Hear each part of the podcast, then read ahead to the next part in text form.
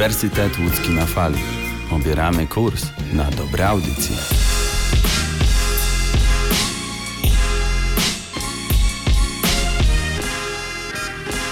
Kiedy w internetowy eter wypuszczam to wydanie Uniwersytetu Łódzkiego na fali, jest godzina 17, 12 kwietnia, niedziela, przed mikrofonem Eliza Matusiak.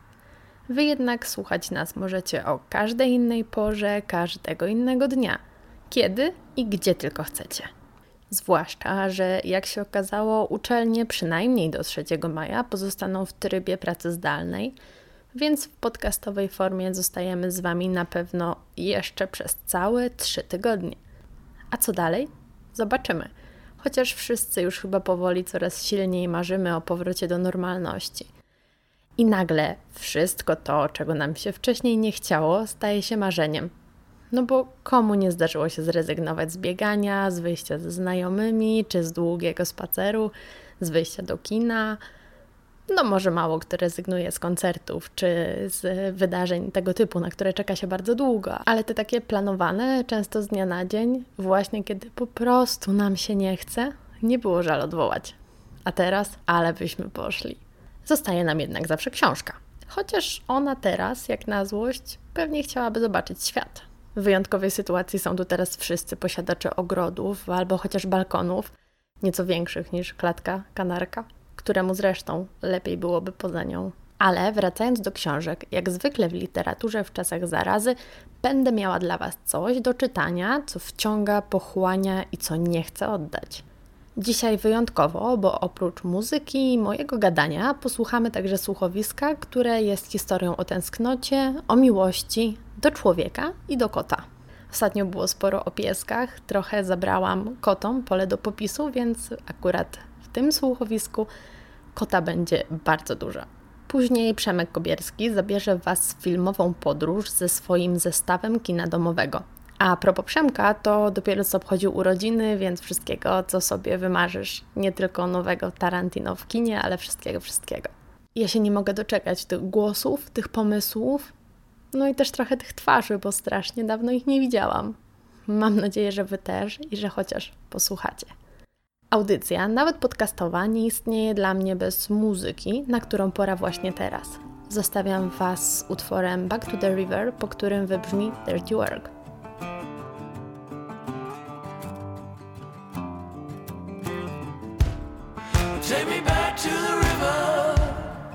Wash away my sins.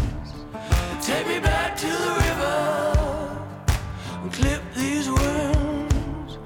Take me back to the river, and cleanse this man. Take me back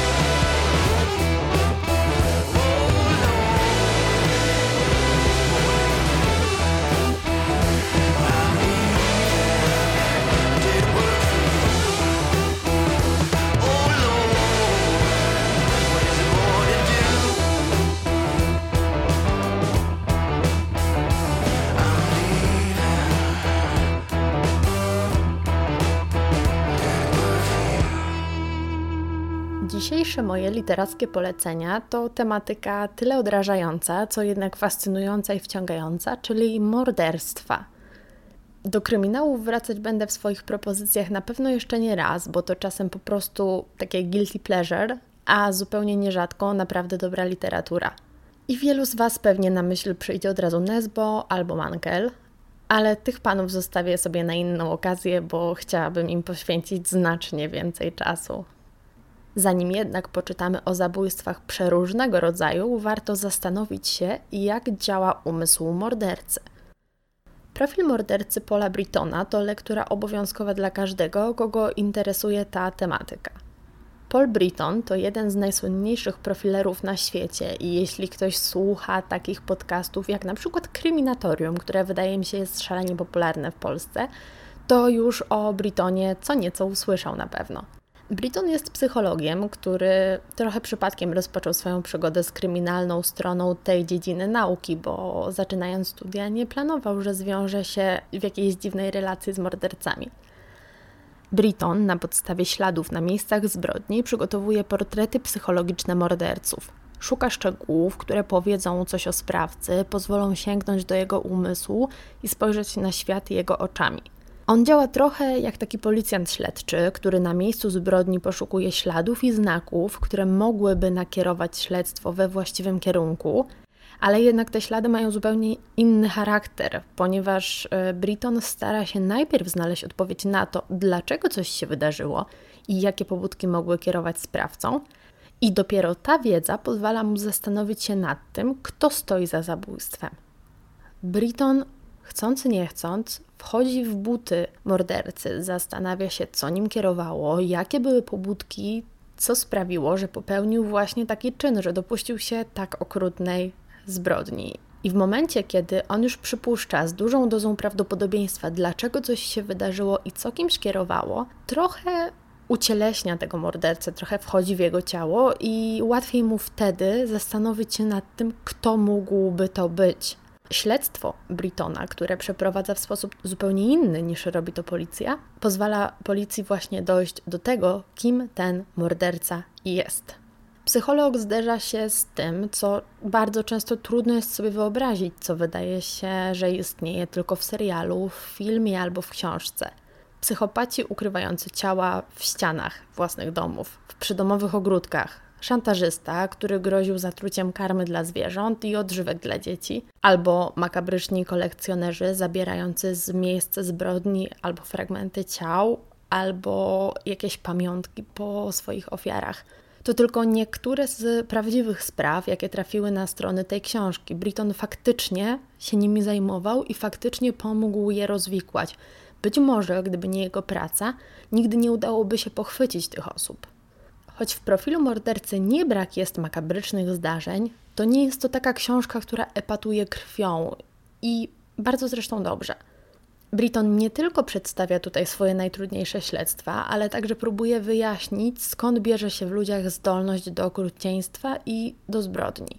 Zastanawia się, co w nas siedzi, co czyha w zakamarkach umysłów i co musi się stać, by wyzwolić w człowieku okrucieństwo. Profil mordercy to bardzo mroczna wyprawa w głąb zbrodniczych umysłów. Ale to także historia o człowieku, który wszedł w świat kryminalnych poszukiwań trochę niechcący, co ukształtowało nie tylko jego drogę zawodową, ale także prywatną. Britton zdradza, jak pracuje, ale też jak żyje, jak sobie radzi z tymi doświadczeniami, z którymi się zderza i które są przecież tak trudne, tak straszne i przerażają czytelnika, a co dopiero kogoś, kto jest jakoś w nie uwikłany. Zdecydowanie warto po tę książkę sięgnąć, choć tematyka nie jest najprzyjemniejsza. Sama zastanawiałam się, czy to dobry moment i właściwe czasy na taką literaturę. Ocencie sami. Według mnie tę książkę po prostu warto przeczytać. Tymczasem pora na Distress Call, czyli utwór, który idealnie mógłby podkreślić klimat kryminalnej opowieści.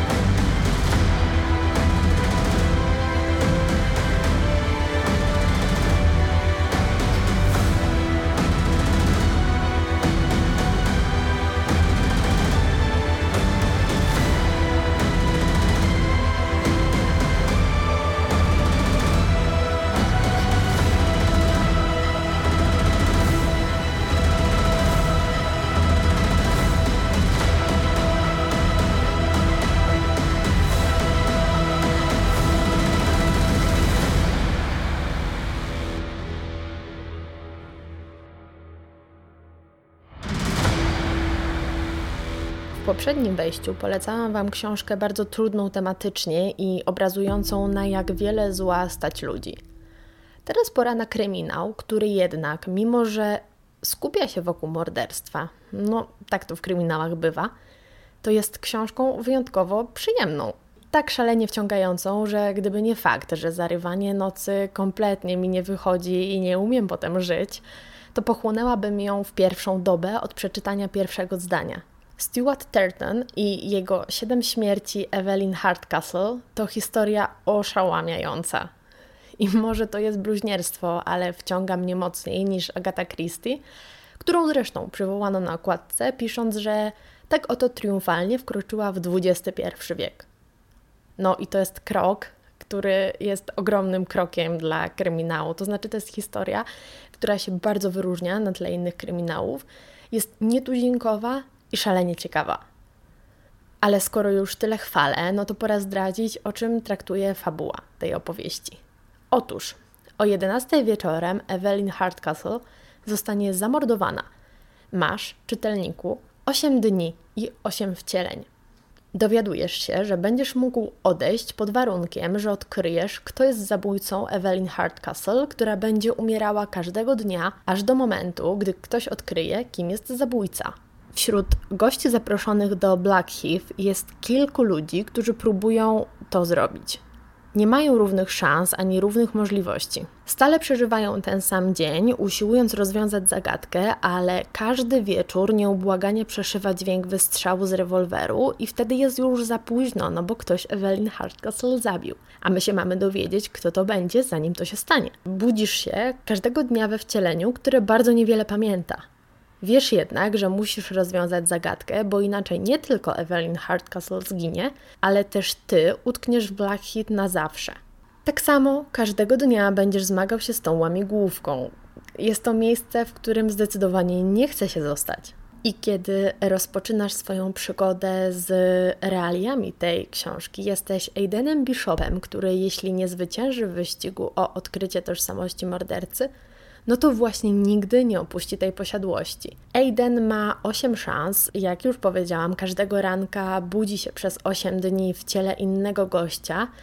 I jeśli nie uda mu się znaleźć odpowiedzi, no to cały cykl zaczyna się od początku. Znowu będzie musiał odkrywać, kim są przeciwnicy, jakie snują plany i na ile przeróżnych sposobów próbują przechytrzyć Aidena.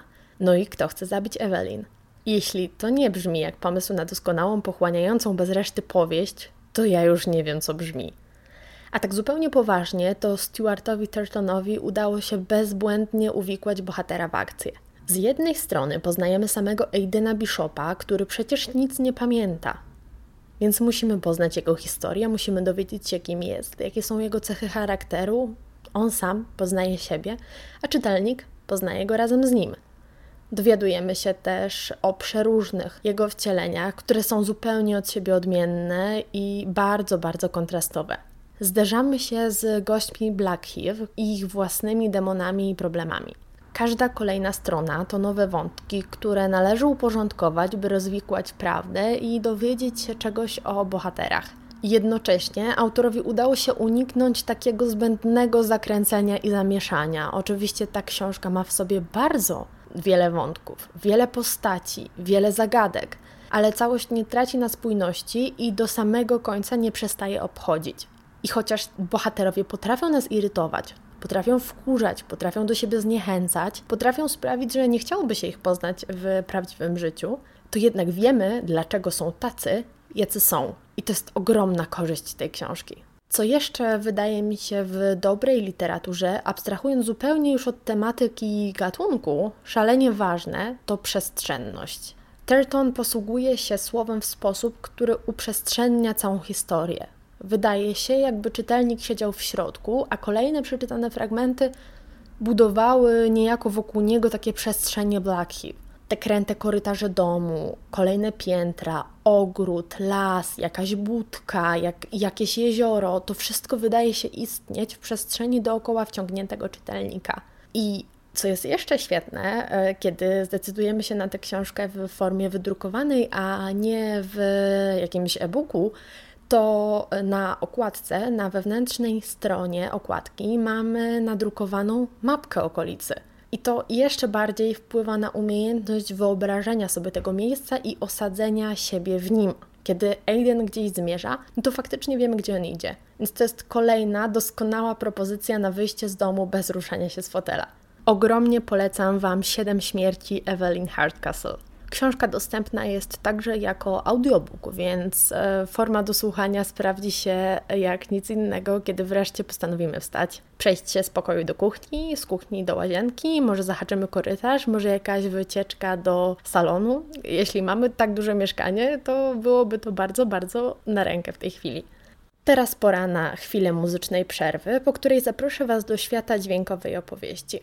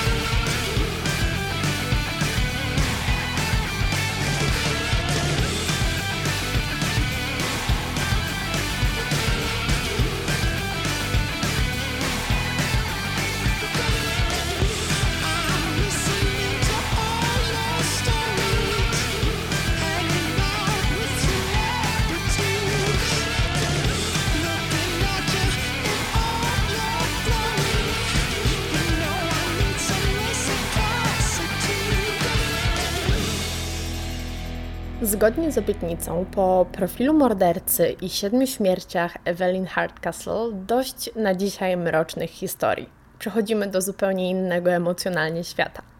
Słuchowisko od A do Z, które chciałabym Wam dzisiaj przedstawić, to opowieść, której bohaterem jest bezimienny mężczyzna. Z tęsknoty za ukochaną pisze do niej listy.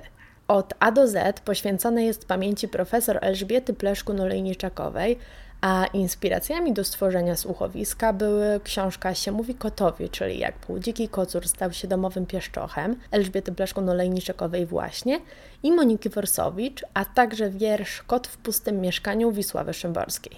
Opowieść tę zrealizowałam dwojako, w linearnej i w nielinearnej formie. O, na moim balkonie słychać w tej chwili bardzo y, uaktywnione i zadowolone z życia ptaki. Ciekawe, czy uda się to zarejestrować na tyle, żebyście też je słyszeli. Ale wracając do słuchowiska, to, to historia jest e, zrealizowana e, w, na dwa sposoby. Forma linearna to taka tradycyjna narracja, która opowiada historię od początku do zakończenia i w takiej odsłonie posłuchamy sobie właśnie od A do Z. Ono wybrzmi za chwilę. Natomiast narracja nielinearna zależy od słuchacza, który wybierając kolejne sceny decyduje o biegu wydarzeń opowieści. Trochę to powrót do Siedmiu Śmierci Evelyn Hardcastle, no bo e, jeśli podobały Wam się przeróżne wcielenia, to tutaj odrobinę podobnie wygląda sytuacja w właśnie nielinearnej wersji od A do Z. Jeśli tylko macie ochotę, to zapraszam Was do eksplorowania tej historii. Link do nielinearnej odsłony zamieszczam w opisie audycji, więc jeśli tylko macie ochotę przemierzyć słuchowisko na swój własny sposób, to zachęcam. A tymczasem pora na formę tradycyjną. Posłuchajcie.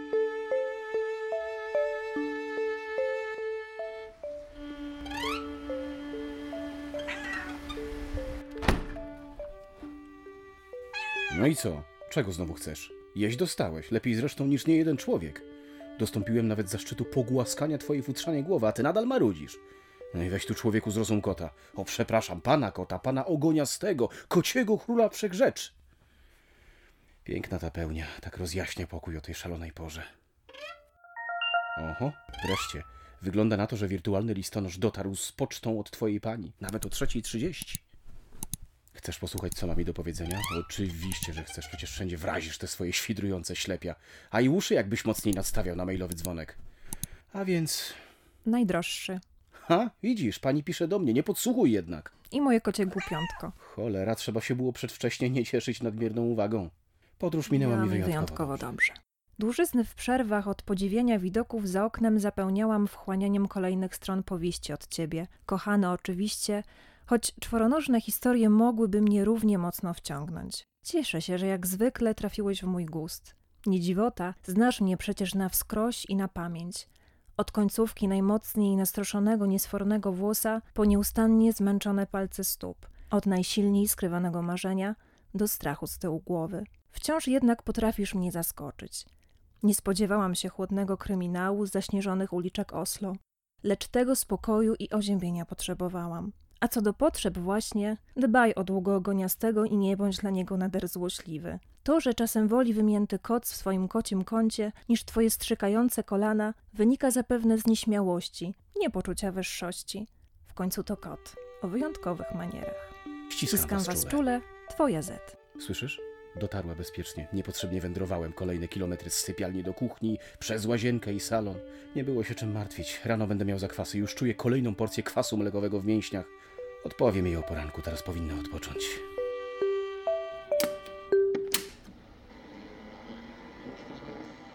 Dwudziesty 20 lipca minęła dziewiąta. Na serwis trójki zapraszam. Zawsze mnie zastanawiało twoje ożywienie na dźwięk radia. Trójkowe głosy rozpływają się w mieszkaniu razem z aromatem kawy. I nie wiem, czy biegniesz tutaj, bo kawa oznacza mleko, czy jesteś jednak, w co śmiem wątpić, kocim koneserem radiofonii, albo... O, kojarzą ci się z twoim ulubionym człowiekiem, liczysz, że już wróciła. A tu taki psikus. Znienawidzone kościste kolana włączają radio dla zmyłki. Chociaż z nim jest jej tutaj jakby więcej. No już, już, smacznego. I nie wybrzydzaj znowu.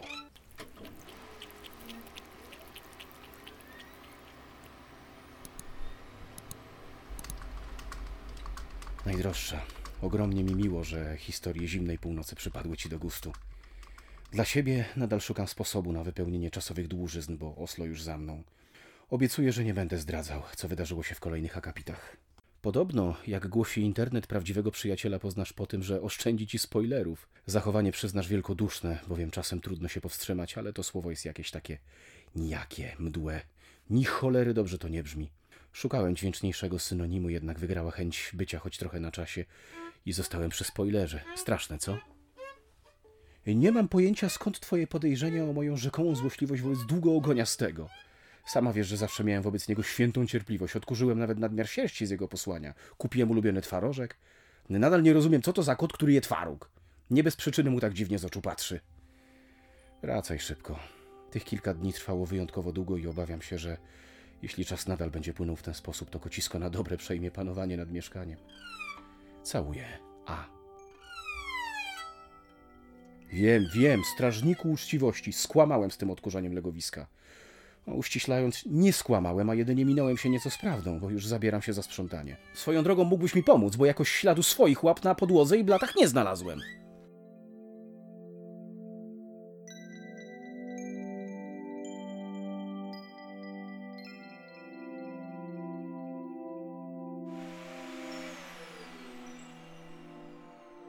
Ty, naprawdę boisz się odkurzacza? Trzeba mieć niebywale wiele trosk w życiu, żeby głównym problemem była bryła na kołach i kawałek rury.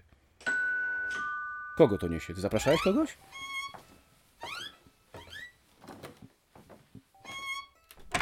Dzień dobry, poczta. Dobry, dobry. Gdzieś podpisać? Nie trzeba, nie mam nic poleconego. Rachunki pewnie. Miałem paczkę do sąsiada, to pomyślałem, że i panu podrzucę. Widzę, że sprząta pan, to nie będę przeszkadzał. O, kotek! Tak do nas przybiegł. Odkurzacza się nie boi? A to mądre stworzenie. Niebywale. Prawda? Zawsze uważałem, że koty to inteligentne czworonogi. No, czysta mądrość. A jaki piękny. Dobrze widzieć, że ktoś dba o swojego pupila. Jak mówiłem, nie przeszkadzam. Do widzenia. Tak, koci mister. A cóż to się stało, że kocia ekscelencja wzbogaciła aktywność obieg na 10 metrów do drzwi? Liczyłeś, że wróciła. Ja też. Chyba się kolego zaczynamy rozumieć.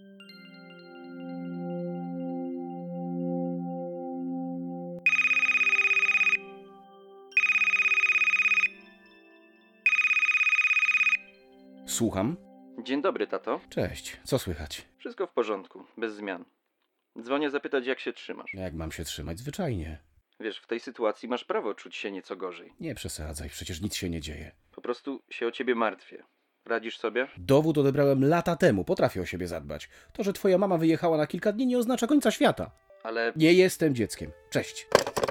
Może nigdy nie byłem najlepszym panem domu, ale przecież mieszkania z dymem nie puszczę.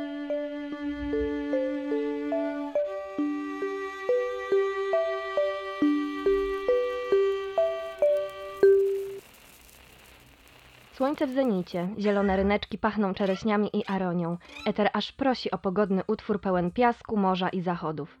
Ale nie tym razem. To lato wybrzmi niekonwencjonalnie, lecz nader klasycznie. Posłuchajcie. Sweet coming Valentine, you make me smile with my heart. Słońce w zenicie, czas na zasłony.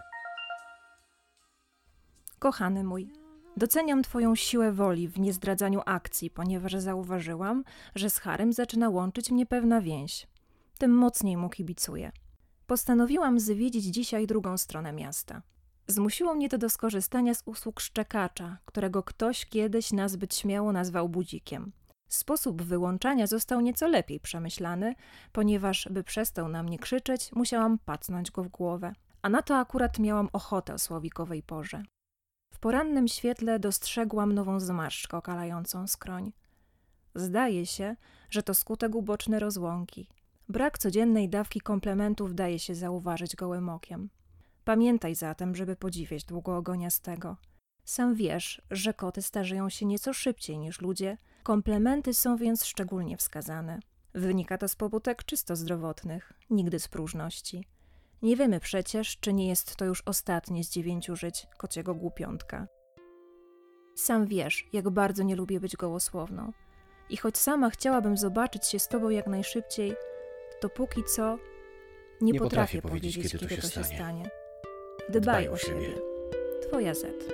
Nie potrafię powiedzieć, kiedy to się stanie, a kto do cholery ma to wiedzieć? Jeszcze trochę tu poczekam, to i ze mnie zostaną same zmarszczki. Idź stąd. Za tobą pewnie bardziej tęskni.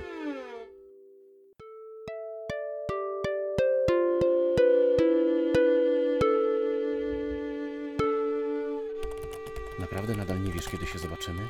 Skreślam jak dzieciak odliczając do gwiazdki. Dni w kalendarzu od momentu twojego wyjazdu. Tylko ta cholerna gwiazdka ciągle się oddala. Ile można czekać?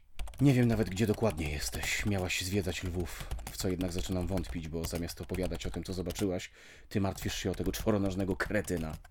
No to wyślij. Cholera, nie, nie, nie! Anuluj, nie, Jezu, nie!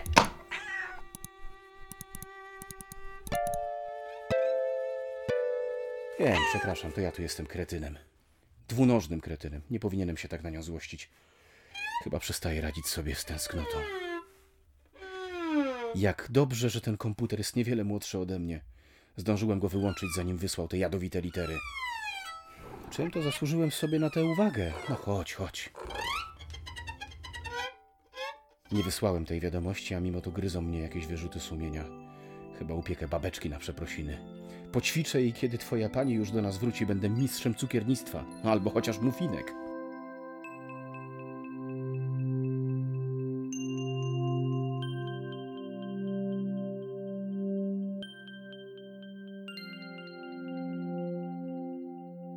Jest kwadrans przed trzecią. Pora aktywności tylko prawdziwych nocnych marków. Najdroższa. W twoim ulubionym pudełku wspomnieli przed chwilą o prawdziwych nocnych markach. Na pewno mieli na myśli ciebie. Muszę ci się do czegoś przyznać. Na wiadomość o twojej więzi z Harym poczułem ukłucie zazdrości. Jakkolwiek irracjonalnie by to nie brzmiało, cień zazdrości ciągnie się także za bohaterami literackimi. Taka już męska natura. Co do długoogoniastego, nie chciałbym zapeszyć, ale wydaje mi się, że zaczyna mnie akceptować i z czasem dostąpię zaszczytu jego sympatii, odwzajemnionej rzecz jasna od samego początku znajomości. Pozbywając się kurzu z twojej toaletki, zauważyłem, że nie zabrałaś swoich ulubionych perfum w podróż. To zaskoczyło mnie jeszcze mocniej niż kocia uwaga. Czyżby chochliki pamięci dopadły także ciebie? Twój A. Chyba się nie pogniewa, jeśli ubędzie kilku kropel. Dlaczego patrzysz na mnie jak na wariata? Spryskiwanie czyichś książek perfumami to nic nienaturalnego. Poza tym działa, skoro przybiegłeś. Nieistotne, czy pachnie tutaj dziką konwalią czy piżmem. Pachnie nią. Najdroższy. O Harego możesz być spokojny. W końcu to ty istniejesz ze mną już przeszło 20 lat. I właśnie istniejesz. To tutaj jest kluczowe. A sarkazm to nigdy z niej nie uleci. Nawet nie wiesz, jak się cieszę, że odnalazłeś nić porozumienia z długoogoniastym. Robert Heinlein powiedział kiedyś, że kobiety i koty zawsze będą robić to, co chcą, a mężczyźni i psy powinni się zrelaksować i powoli oswajać z tą myślą. Trudno odmówić mu racji, chociaż ja wolę, byś oswajał się z kocią głupiątkiem niż tylko z tą myślą. Z moją pamięcią nie jest jeszcze zupełnie najgorzej. Zapach zabrałam z sobą. I wiesz, mój drogi, masz pełną słuszność co do mojego nocnego markowania. Nocą szczególnie doceniam osiągnięcia technologii, kiedy mogę wstukiwać w klawiaturę zdania do ciebie. Nieludzkim byłoby niepokoić listonosza o tej porze. Twoja Z.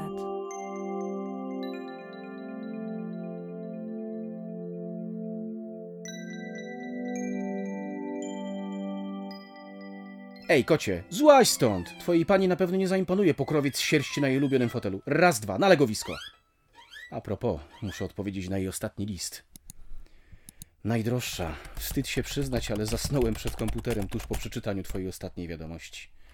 Powtórzę się, nie pierwszy zresztą raz, ale z nas dwojga to ty zasługujesz na miano prawdziwego nocnego Marka.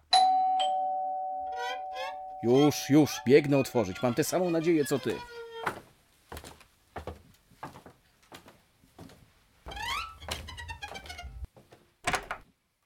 A, to ty, synu, witaj. Spodziewałeś się kogoś innego? Bynajmniej, po prostu nie spodziewałem się ciebie. Wejdź. Po naszej ostatniej rozmowie musiałem przyjść. Mm, Wiem, przepraszam. Uniosłem się nieco, ale sam wiesz, jak bardzo nie lubię, kiedy traktujesz mnie jak jakiegoś podlotka. Dobrze wiesz, że nie o to chodzi. Kiedy powiedziałeś, że mama wyjechała, Dajmy już temu spokój. nie możemy. Musimy wreszcie o tym porozmawiać.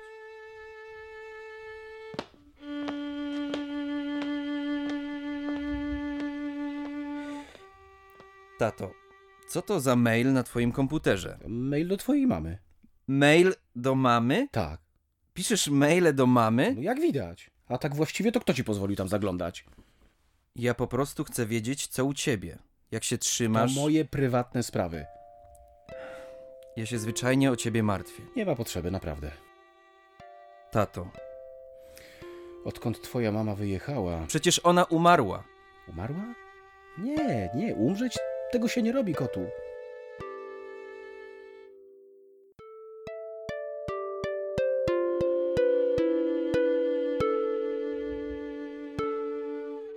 Boże, tato, czy ty. Czy ty naprawdę wierzysz, że wyjechała? Synu, nie jestem szalony. Nie zwariowałem. Nie musisz szukać dla mnie najlepszego lekarza. Mam świadomość, że twoja mama odeszła. Po co zatem te maile? I dlaczego mówisz, że wyjechała? Bo kiedy kogoś kochasz, śmierć nie oznacza końca. Czytam nasze dawne wiadomości, czytam listy z podróży, smsy ze sklepu, czytam rachunki za pensjonat, czytam jej książki, czasem do niej piszę. Mówię to, czego nie zdążyłem powiedzieć. Wspominam, dzielę się tym, co wydarza się teraz. Znamy się od A do Z. Ja nadal mam jej sporo do powiedzenia. Zresztą sam wiesz, jak lubiła listy. Ale czy nie łatwiej byłoby ci żyć dalej, gdybyś w pełni uświadomił sobie, że umarła? Nie umarła, odeszła. Cieszy mnie każdy znak z jej listów, a człowiek żyje tak długo, jak długo uśmiechasz się na myśl o nim.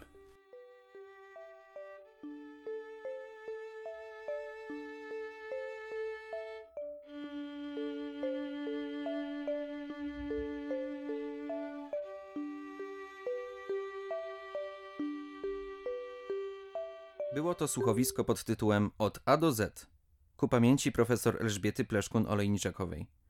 Na podstawie Się mówi kotowi, czyli jak półdziki kocur stał się domowym pieszczochem. Autorstwa Elżbiety Pleszkun-Olejniczakowej i Moniki Worsowicz. Oraz wiersza Kot w pustym mieszkaniu Wisławy Szymborskiej. Scenariusz i reżyseria Eliza Matusiak. Muzyka Paulina Wiernicka. Bohaterowie. Mężczyzna Krzysztof Grzegorzewski. Kobieta Paulina Czarnek-Wnuk. Syn Przemysław Kobierski. Radiowiec Milena Kuźnik. Listonosz Jakub Kostrzewa. Od A do Z wyrosło z miłości do dźwięków, ale też z inspiracji i człowiekiem, i wierszem. Posłuchajmy utworu Be You.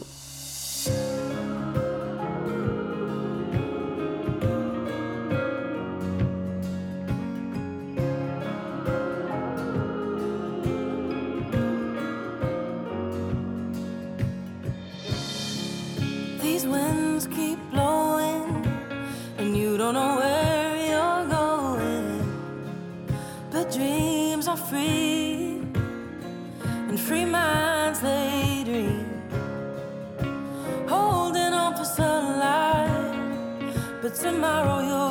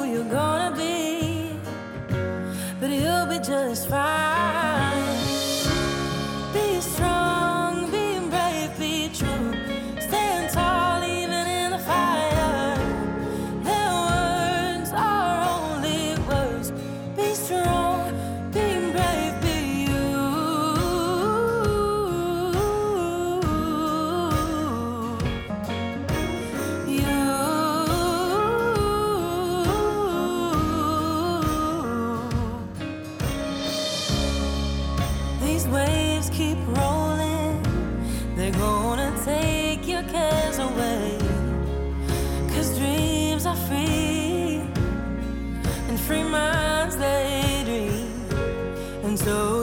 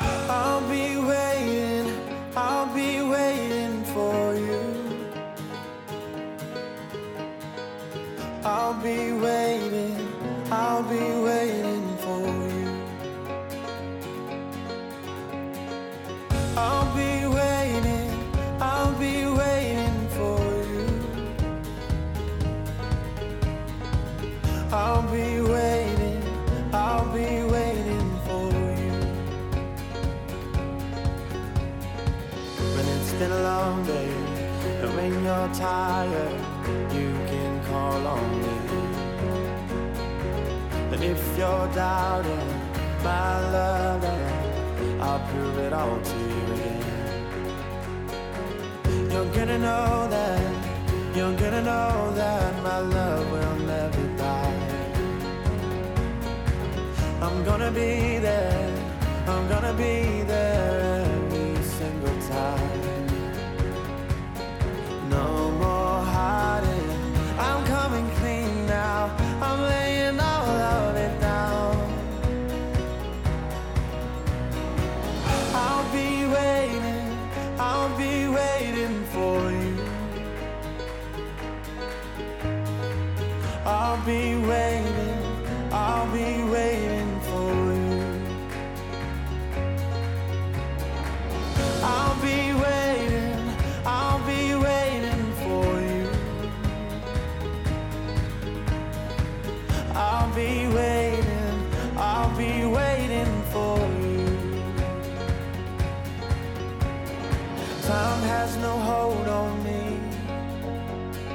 darling, my heart you keep.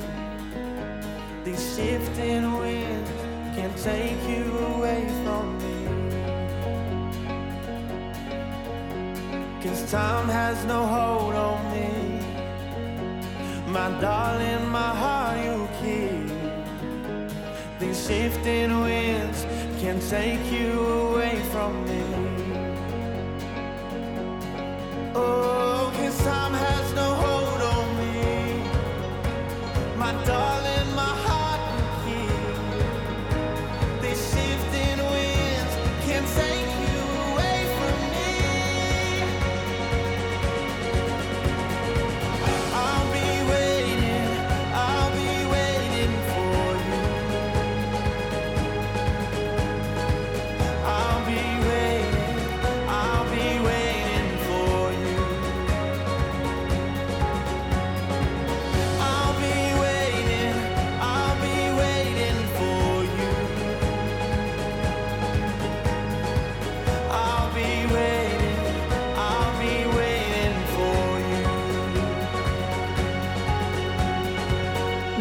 Dzisiaj dla Was dwie zupełnie skrajne ludzkie strony. Mroczną, straszną i okrutną w książkach Profil mordercy i Siedem śmierci Evelyn Hardcastle. Miałam też, myślę, że na szczęście, tę czułą i liryczną. Dość jednak mojego opowiadania na dzisiaj. Pora przekazać wirtualny mikrofon, a raczej wirtualnie przekazać, bo mikrofon całkiem prawdziwy i materialny, Przemkowi Kobierskiemu i jego zestawowi kina domowego. Już nie mogę się doczekać, co tym razem będzie warto obejrzeć z poleceń Przemka. Do usłyszenia, Eliza Matusiak.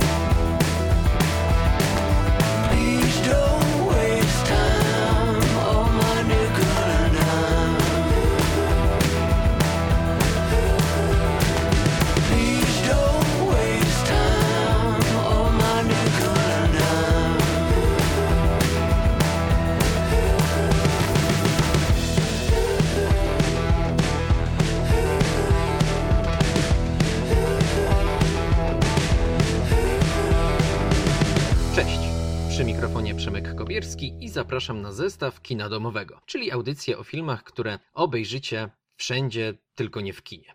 A mówiąc wszędzie, mam na myśli w internecie. A mówiąc w internecie, mam na myśli głównie Netflixa, bo o nim mówię najwięcej. No ale taki mamy obecnie klimat. A właśnie, klimat to my mamy dzisiaj świąteczny. Wielkanoc trwa, nieco inna niż zwykle, wyciszona totalnie, ale wyobraźcie sobie, jak hucznie te święta będą obchodzone za rok. Aż nie mogę się doczekać. Jeśli wy też nie możecie się doczekać, nudzicie się w domach, to ja wychodzę z propozycją filmową. Oglądajmy filmy. Taki mój apel. Oglądajmy filmy, skoro mamy taką możliwość. Nie tylko w internecie, bo przecież jest jeszcze ta nasza poczciwa telewizja. Dlatego dzisiaj opowiem wam o filmach, z których dwa znajdziecie na Netflixie, jeden na CDA między innymi i jeden w telewizji. Tak, dzisiaj tylko cztery filmy, dlatego że, no, no głównie dlatego, że jest Wielkanoc i wszyscy, mimo całej sytuacji na zewnątrz, spędzamy ten czas na przygotowaniach jako takich wewnątrz. A po drugie, tak jak wiele już osób, padłem ofiarą powolnego internetu i nie mam tylu możliwości, żeby działać tak sprawnie, jakbym chciał. Ale wiadomo, sieć jest obciążona, bo teraz wszyscy wszystko zdalnie. Ja to rozumiem, wy też bądźcie wyrozumiali. Być może w następnym tygodniu omówimy sobie wyłącznie filmy, które będą wkrótce wyemitowane w telewizji. Kto wie? Dobra, bo się trochę rozgadałem. Po przerwie muzycznej pierwszy film, który znajdziecie właśnie w TV.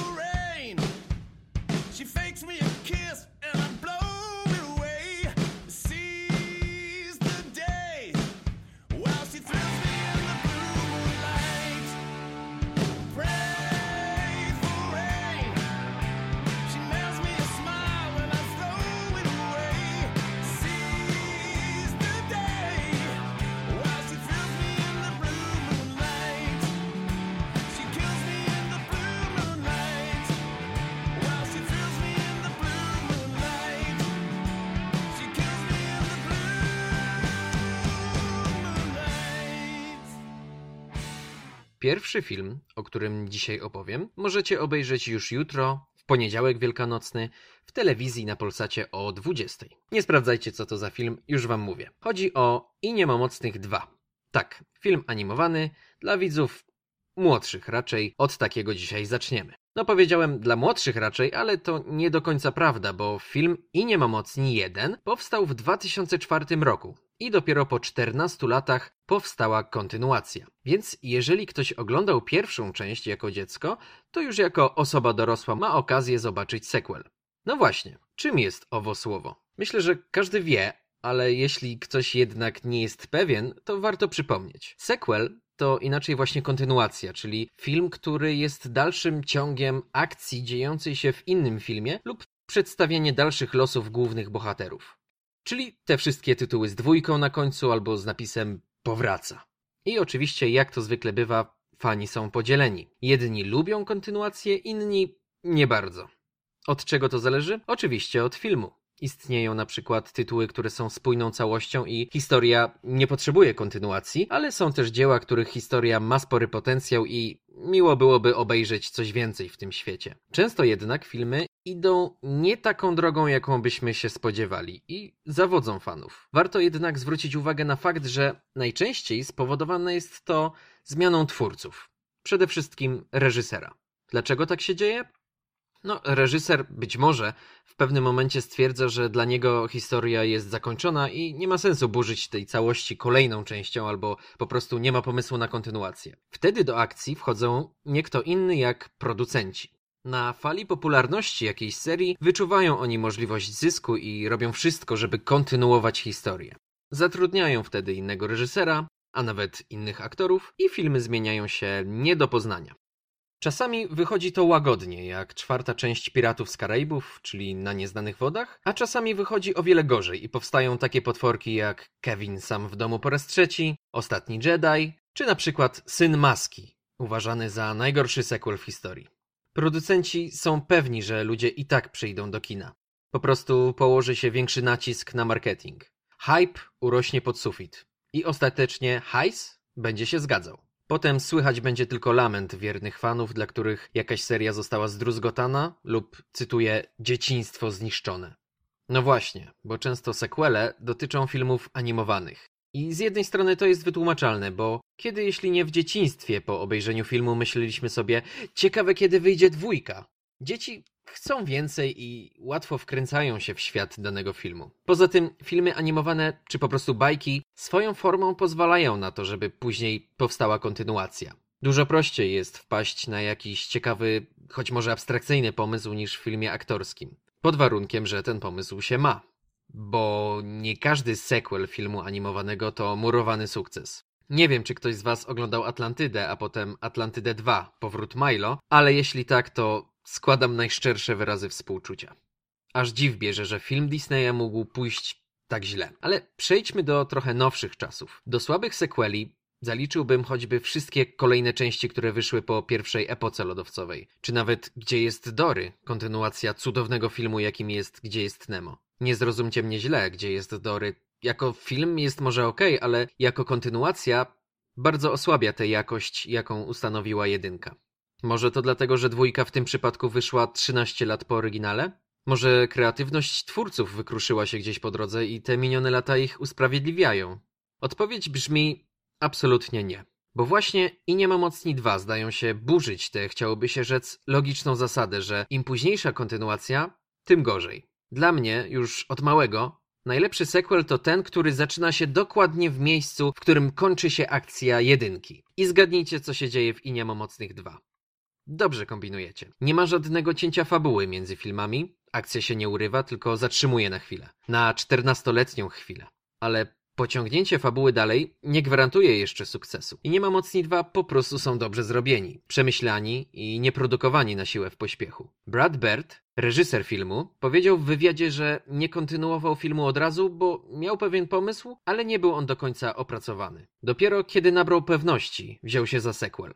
I muszę przyznać, jest to odczuwalne w filmie. Historia jest świeża, można powiedzieć aktualna, a postacie niczym nie różnią się od jedynki. Kamień z serca chciałoby się powiedzieć. No ale omówmy sobie w końcu tę historię. Rodzinka i nie ma mocnych jest obecnie w nieciekawej sytuacji. Rząd i obywatele nie do końca ufają superbohaterom, dlatego muszą się oni ukrywać. Ponownie, jak w jedynce jednak, pojawia się pewna osoba, organizacja, która chce pomóc i nie ma mocnym, a w zamian potrzebuje kogoś, kto działałby na ich zlecenie. I uwaga, nie jest to pan i nie ma mocny, tylko Elastyna.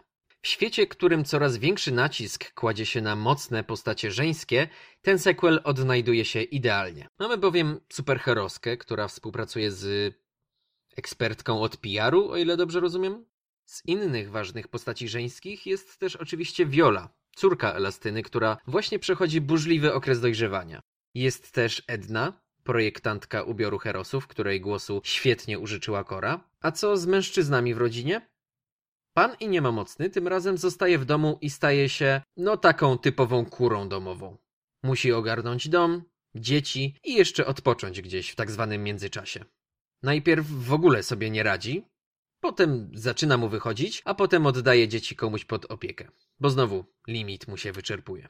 Bardzo podoba mi się takie przedstawienie zamiany ról społecznych w rodzinie. A wracając do rodziny, najmłodszy członek, Jack Jack, jak pamiętamy z jedynki, ujawnia swoje supermoce. Co jeszcze bardziej urozmaica panu i nie ma mocnemu obowiązki domowe. Jest oczywiście jeszcze drugi syn, Max.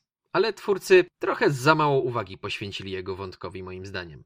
Jeśli chodzi o główny czarny charakter w filmie, to jest on bardzo na czasie. Wykorzystuje aktualny problem wśród dzieci, czyli zbyt długie siedzenie przed ekranem, od którego młodzi bywają uzależnieni obecnie. Antagonista o imieniu Ekran Tyran za pomocą monitorów hipnotyzuje bezbronne osoby, a potem dzieją się różne rzeczy. Obejrzyjcie sami. I tutaj powstaje pewien paradoks, bo ten film też musicie obejrzeć na ekranie. Hm. Zatem wszystko zależy od Was, drodzy widzowie, a właściwie słuchacze. A skoro o słuchaniu mowa, to chyba czas na małą przerwę muzyczną.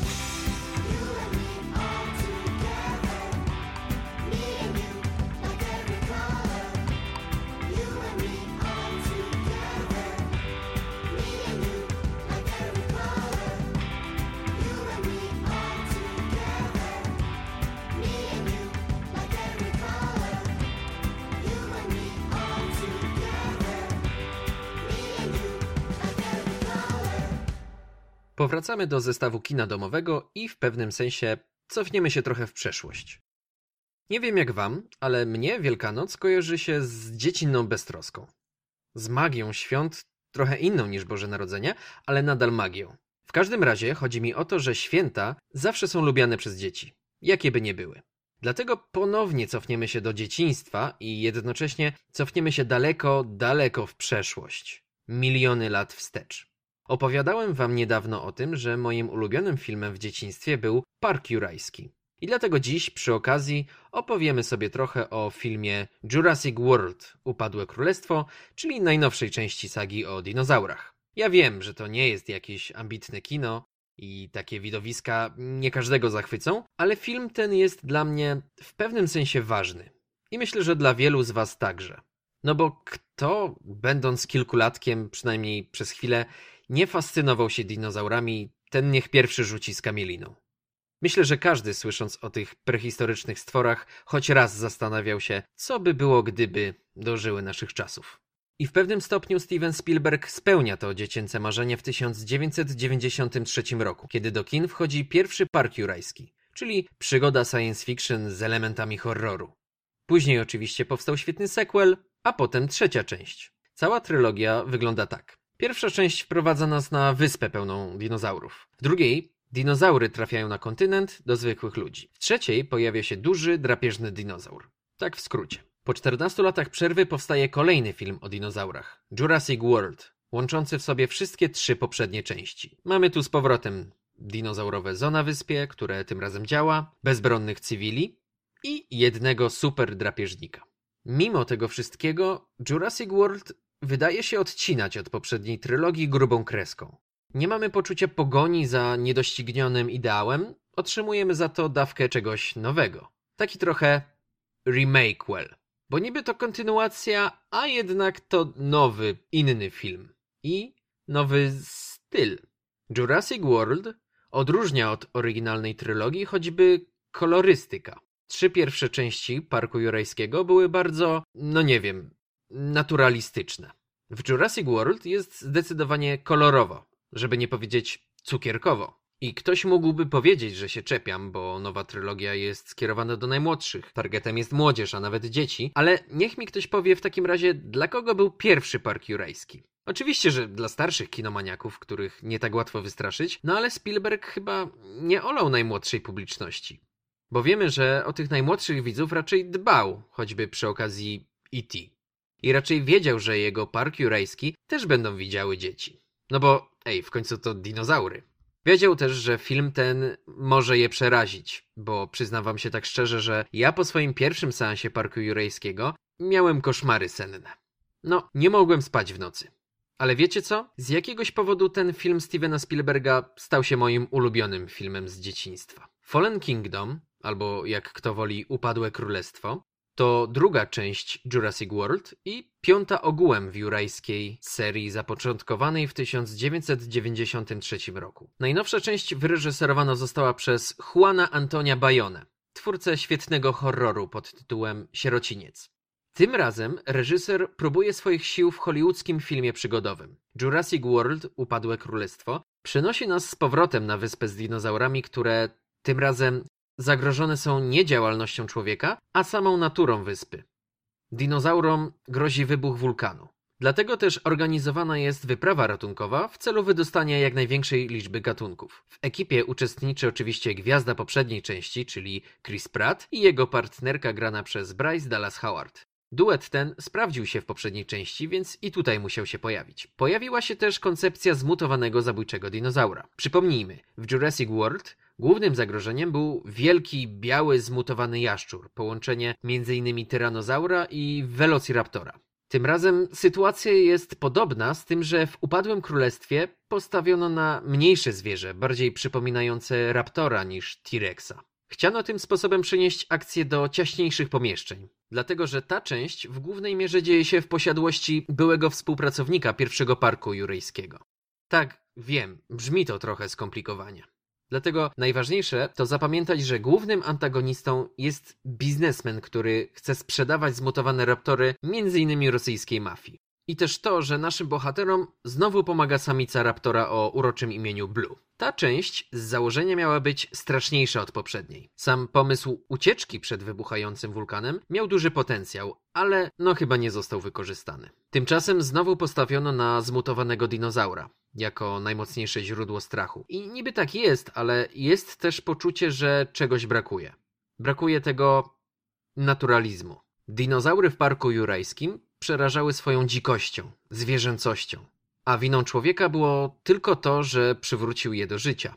Natomiast w Jurassic World człowiek jest odpowiedzialny za naturę tych bestii, bo to już nie zabijają zwierzęta, tylko wytwory człowieka. Te wytwory są spore i groźnie wyglądają, ale nie można oprzeć się wrażeniu, że są dosyć nieudolne. Raptor co prawda uśmierca ludzi, ale wyłącznie te ewidentnie złe postacie, przynajmniej na naszych oczach. A główni bohaterowie są dla niego poza zasięgiem, bo zawsze w ostatniej chwili jakimś cudem udaje im się uciec. Zmutowany raptor ma przerażać, ale przez względnie krótki czas, tak żeby najmłodsi nie byli narażeni na zbyt długie sceny strachu. Również te dobre dinozaury powstały z myślą o najmłodszych, żeby pokazać im, że dinozaury są fajne i że fajnie jest chodzić z rodzicami na takie filmy do kina. Zupełnie inna historia niż w pierwszych parkach jurajskich, gdzie dinozaury były fajne nawet kiedy przerażały i zabijały także te nie do końca złe postacie. Bo my z natury lubimy się bać i nie ma w tym nic złego. Szkoda tylko, że producenci filmowi ostatnio zdają się o tym zapominać. Zatem nie zapominajmy o dinozaurach. Pamiętajcie, że Jurassic World Upadłe Królestwo jest na Netflixie, warto zajrzeć, a ja pamiętam też o muzyce w tej audycji. Po piosence wracamy z kolejnym filmem. You know how modern America keeps on changing with all its suburban city styles compared to the days of old brown houses in the country, roads that roll on for miles and miles.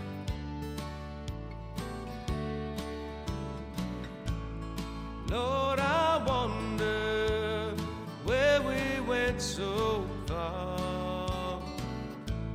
So at night we can't even see the stars. And it makes me wish more for the things of smile. Like country and roads for miles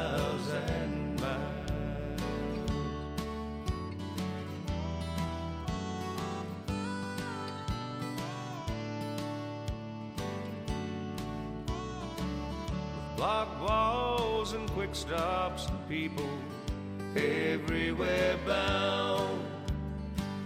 It's hard to miss the cars and trucks, and drugs and polluted towns. It seems like the radio and the TV, well, they just can't say enough about that latest scandal,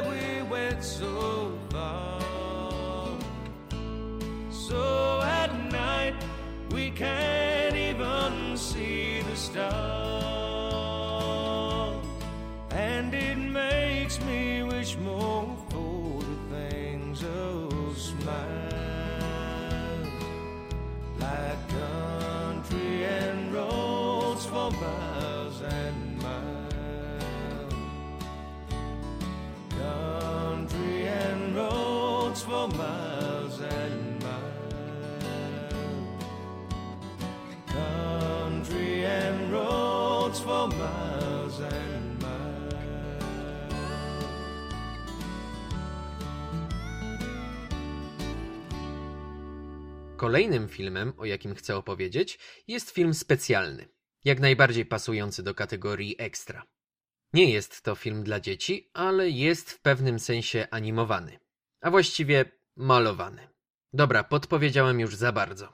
Mowa o polskim filmie Twój Vincent. Podkreślam, że to polski film, bo warto pamiętać, że stworzyliśmy coś takiego. No co prawda razem z Wielką Brytanią, ale i tak większość roboty to Polacy odwalili. Ale po kolei. Najpierw może o treści. Twój Vincent to swego rodzaju dywagacja nad ostatnimi dniami Vincenta van Gogha, a właściwie nad jego śmiercią, bo akcja zaczyna się właśnie kilka dni po śmierci van Gogha.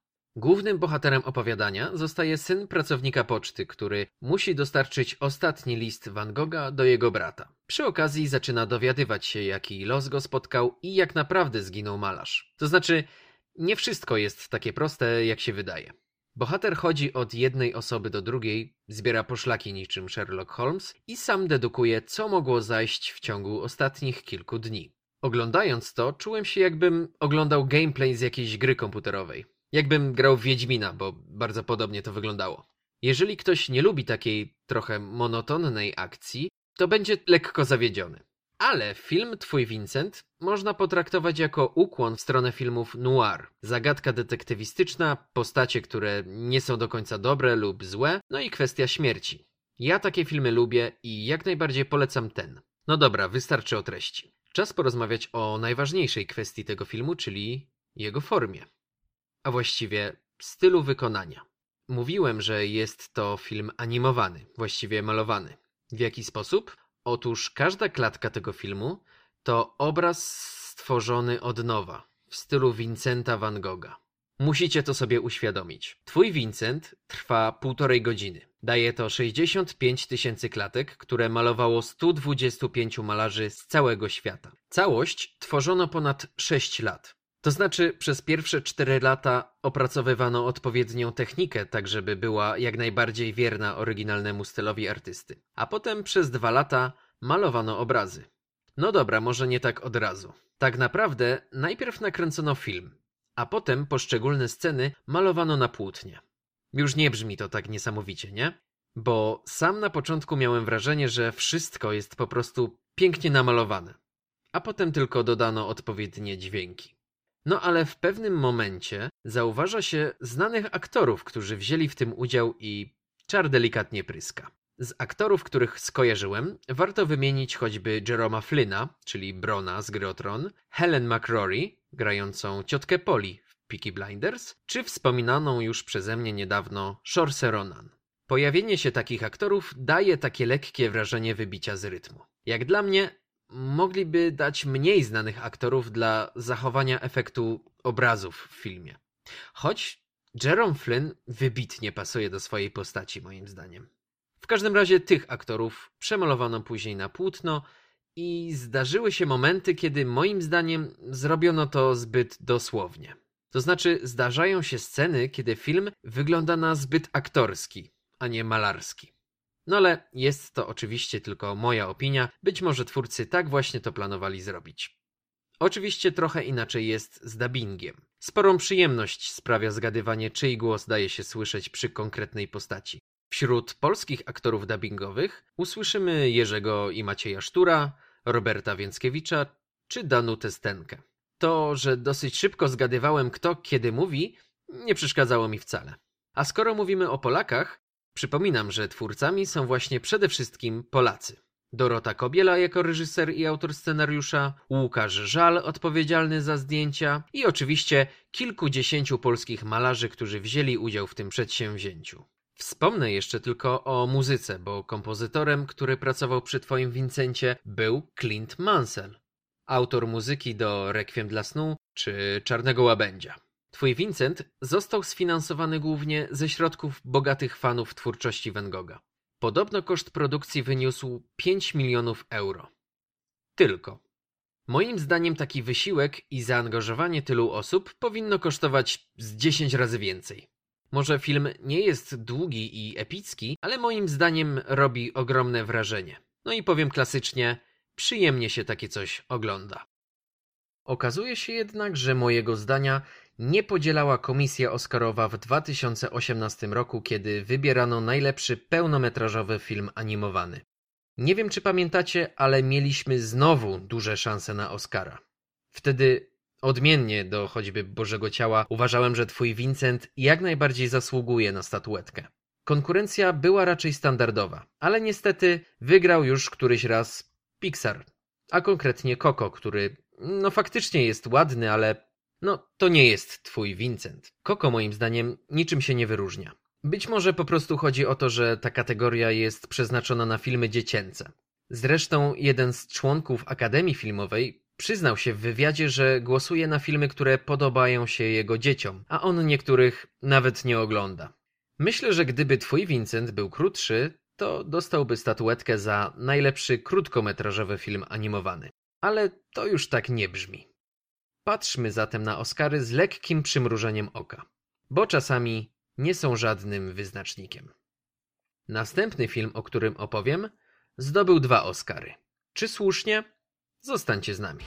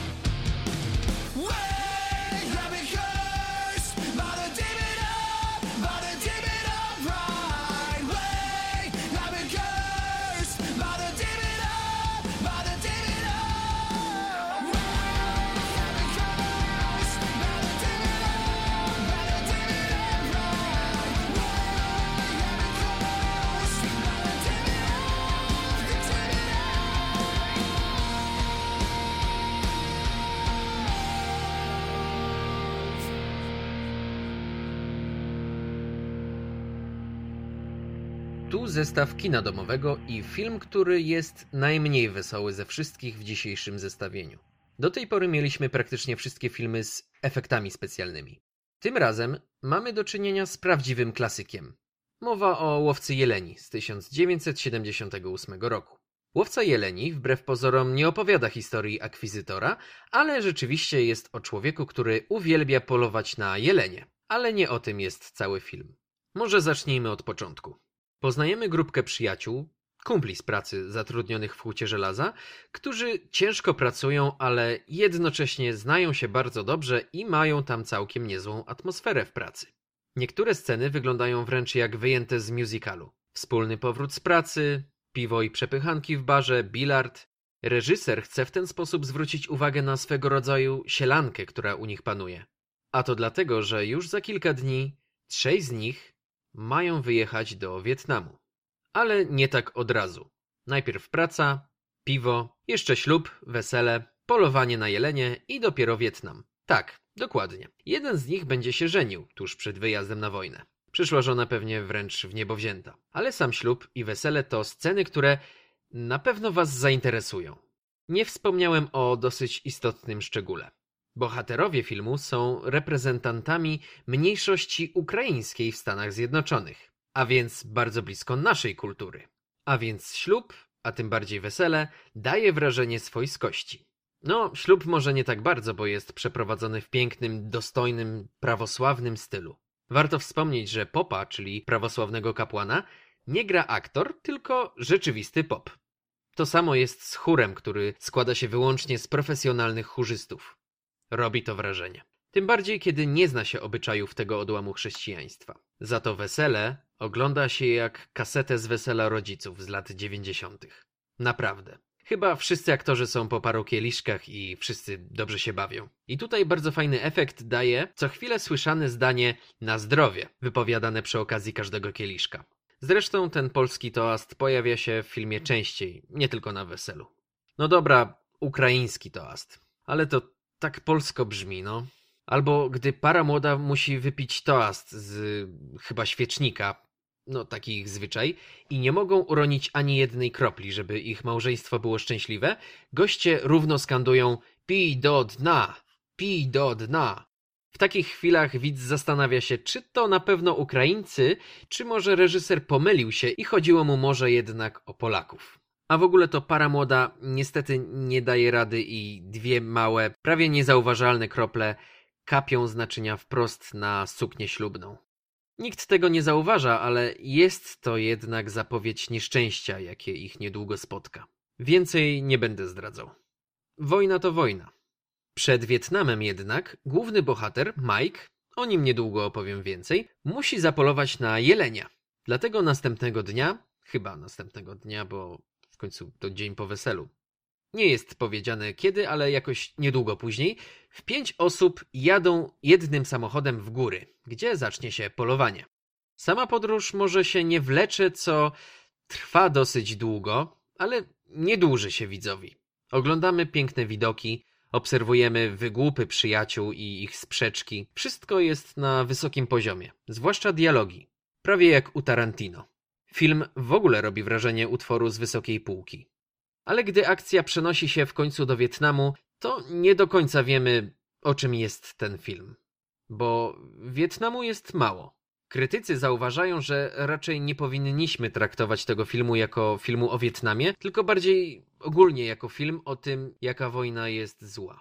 No ale ten Wietnam występuje w filmie i jest pokazany bardzo stereotypowo. Reżyserowi zarzucano przy okazji tego filmu rasizm przy obrazowaniu bezwzględności Wietnamczyków z północy.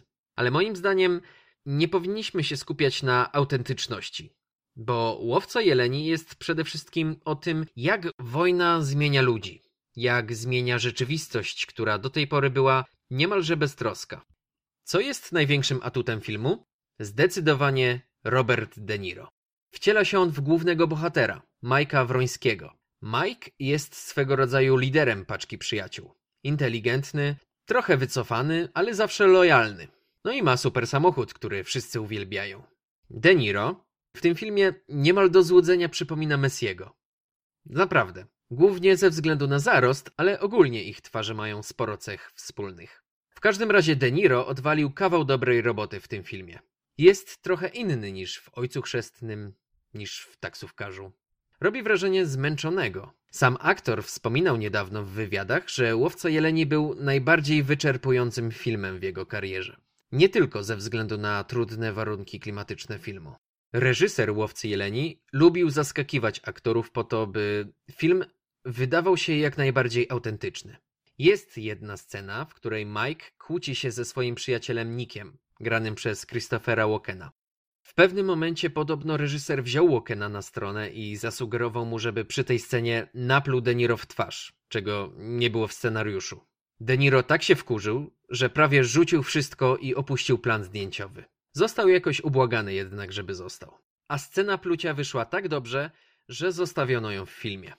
Tak w ogóle to wspomniany Christopher Walken jako młody aktor wygląda całkiem przystojnie w porównaniu z jego współczesną, ponurą i taką złowieszczą fizjonomią. Ale ktoś jeszcze wygląda tutaj pięknie i młodo. Meryl Streep, proszę państwa. Tak, mamy w tym filmie okazję zobaczyć, jak nasza kochana Meryl Streep kradnie serca nie tylko na ekranie, ale na pewno też przed ekranem. Podobno sam De Niro wciągnął ją do tego filmu. Dobra, powiedzieliśmy sobie o aktorach. Czas w końcu powiedzieć coś o reżyserze, o którym ciągle wspominam, ale nic konkretnego nie mówię. Łowcę Jeleni reżyserował Michael Cimino. Reżyser, który dopiero co debiutował, a już dostał Oscara za film i reżyserię. Widziano w nim spory potencjał, więc wytwórnie filmowe stawiały na niego prawie w ciemno. I to się okazało błędem. Jego kolejny film, Wrota Niebios, okazał się finansową klapą. A olbrzymie nakłady pieniężne narzucone przez Cimino doprowadziły wytwórnię niemalże do bankructwa. Porażka Wrót Niebios spowodowała zmiany w systemie finansowania filmów. Reżyserzy stracili w pewnym sensie wolną rękę i od tamtej pory wszystko jest dużo bardziej uregulowane. Inni reżyserzy nie byli zbyt pozytywnie nastawieni do Cimino. To samo można powiedzieć o aktorach, którzy, znając jego surowe podejście, niechętnie z nim współpracowali. Michael Cimino stworzył jeszcze kilka filmów, ale żaden nawet nie zbliżył się do powtórzenia sukcesu Łowcy Jeleni. A my zbliżamy się do końca naszej audycji. Żegnam się z wami ja, czyli Przemek Kobierski, a już za tydzień kolejny zestaw kina domowego w pełnej wersji. Do usłyszenia.